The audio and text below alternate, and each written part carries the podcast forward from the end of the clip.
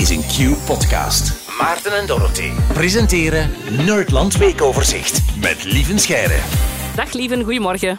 Een goedemorgen. Druk aan het rondtoeren en ondertussen op dinsdagochtend toch altijd even tijd maken voor het Nerdland Weekoverzicht, waarvoor onze dank. Waar gaan we het deze week over hebben? Tja, deze week gaan we het hebben over... Hebben we nu aliens ontdekt of niet? Zit- De kans zit er dus wel in. Eh, it's complicated. It's complicated. Het zou kunnen dat er buitenaards leven ontdekt is, maar niemand is helemaal zeker. Ik ga het gewoon zeggen, want het mag nu toch al een paar dagen opnieuw. Misschien. Misschien. Het zou kunnen, maar je voelt aan alles dat ik nu ga beginnen met een hele lange disclaimer. Oké. Ben je er klaar voor? Ja. Ik zet me even rustig op het gemak neer. Go. Waar het over gaat is het ontdekken van gassen in een atmosfeer van een andere planeet, het is buiten ons zonnestelsel, die op aarde alleen door levende wezens geproduceerd worden. Dus ik Ach. heb het hier niet over aliens, ik heb het hier niet over een intelligente beschaving, ik heb het niet over buitenaardse wezens die tot aan de aarde komen reizen. Het gaat hier, als het klopt, en dat is een hele grote als, dan gaat het over misschien eencellige wezens. Algen die ergens ronddrijven op een andere planeet. Maar dat is leven, hè? En wel ja, maar dus inderdaad, ik vind dat onwaarschijnlijk spannend. Veel andere mensen, vanaf als ze horen buitenaards leven, denken ze aan groene mannetjes met vliegende schotels. En daar gaat het dus totaal niet om. Wij zijn op dit moment heel hard op zoek naar eencellig leven, of eigenlijk leven tout op andere planeten. En dat is met de James Webb-telescoop. Een zeer indrukwekkende telescoop die in de ruimte hangt. Op een miljoen kilometer van de aarde hebben wij die geparkeerd. En wat kan die doen? We hebben een lijstje van chemische gassen waarvan wij weten op aarde dat ze hier enkel door levende wezens geproduceerd worden. En vanaf dat het leven weg zou zijn, zouden die gassen snel uit onze atmosfeer verdwijnen. Zuurstof is daar eentje van. En dus James Webb zoekt overal naar, zitten er gassen in de atmosfeer van die planeten die hier op aarde enkel door leven geproduceerd worden. En dus, hij heeft er nu eentje gevonden. Ehm, dat is een paar maanden geleden al. Heeft hij eh, dimethylsulfide gevonden op planeet K218b. K218b, dat is een planeet die draait rond een ster op 120 lichtjaar van hier. Goh, man. toch. Die planeet is waarschijnlijk een oceaanreus. Dus waarschijnlijk een planeet die volledig in water bedekt is. Hoewel dat nog niet zeker is. Dus volledig in water bedekt, acht keer zo groot als de aarde.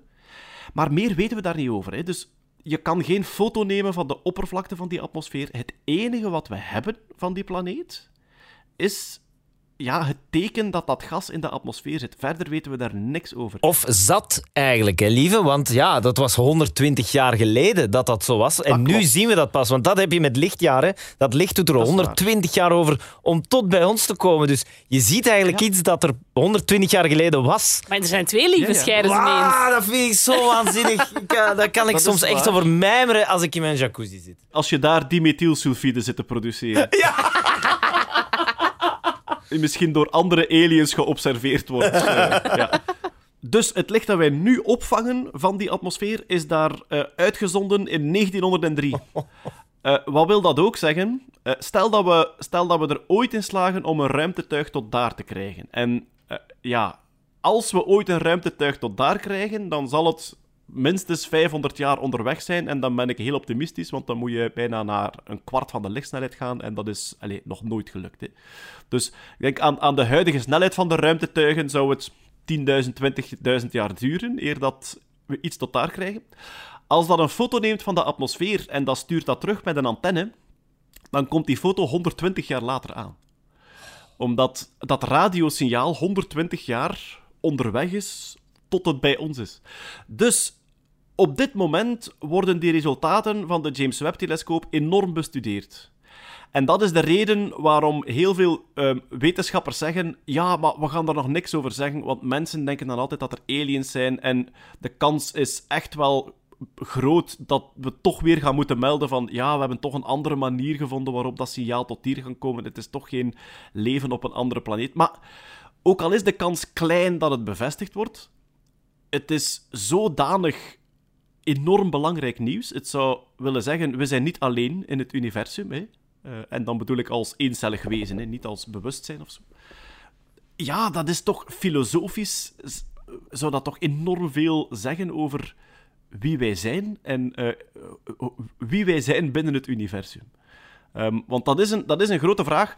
We zien nergens andere tekenen van technologische beschaving, terwijl we dat wel zouden kunnen. Hè. Mochten het andere beschavingen zijn, zouden we die kunnen zien via radiosignalen. We zien dat nergens en niemand weet precies waarom. Ehm, ofwel zijn ze er niet, ofwel is leven veel moe- ja, ofwel ontstaat leven heel lastig, ofwel wordt leven niet snel intelligent, eh, wat je soms denkt als je op donderdagavond door Gent loopt. Maar, ehm, maar ja, eh, het leven op aarde is een miljard jaar eencellig geweest. Een miljard jaar was er hier op aarde enkel algensoep. En dus misschien is er heel veel algensoep in het universum en zijn er heel weinig meercellige wezens. En dan moet je ook rekening houden, wij kijken nu naar een planeet op 120 lichtjaar van hier. Dat is onze buurman, zou je kunnen zeggen. Hè. Onze Melkweg alleen is 100.000 lichtjaar van de ene kant naar de andere. En we denken dat bijna rond alle sterren ook planeten draaien. Een van mijn favoriete weetjes, eh, dat je gerust mag doorvertellen aan iedereen die je graag is verbaast. Er zijn meer sterren in het universum dan er ooit woorden zijn uitgesproken door alle mensen ooit. Voor elk van die woorden is er een ster in het universum waar planeten ronddraaien waar misschien leven op zit. Dus ja, eh, geen pleinvrees krijgen in het universum. Amai, wow. en denken dat er geen buitenaards leven is, is eigenlijk zeer arrogant. Dat is wel duidelijk. Hè? er wordt vaak gezegd, als er nergens in het universum, nergens elders leven is, is dat veel spectaculairder dan Ja. als het er wel zou zijn. Ja, ja, voilà. Zeer fascinerend. Dankjewel, lieve Scherre. Tot volgende week. Met plezier. Joep. Dit was een podcast van Q-Music. Wil je meer? Wil je meer? Kijk op qmusic.be.